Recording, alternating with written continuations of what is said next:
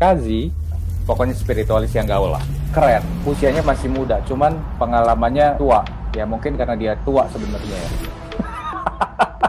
Bunda Arsaningsih, founder Soul, membahas tentang karma dan reinkarnasi di channel YouTube-nya dan kemudian di Bali TV. Emang karma itu apa sih sebenarnya? Emang itu sama nggak sama takdir? ngeri ngeri sedap gitu. Nggak boleh, nggak boleh gitu. Wah, wih, kamu gila loh kok kamu tahu saya dulu. Eh, Ah, Oke.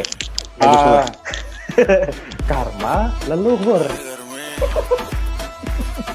Pas live saya apa? Dia pikir pas live itu hanya sekali aja sebelum ini. Terjebak kalau saya bilang. banyak orang yang terjebak di masa lalu yang akhirnya fokus hanya ke satu kelahiran.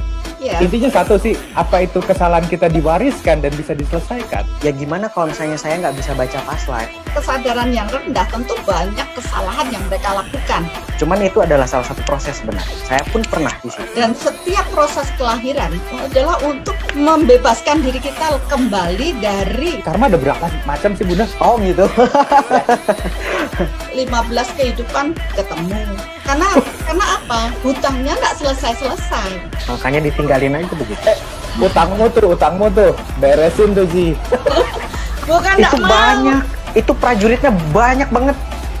Lah dulu ngapain Kak Si di sana?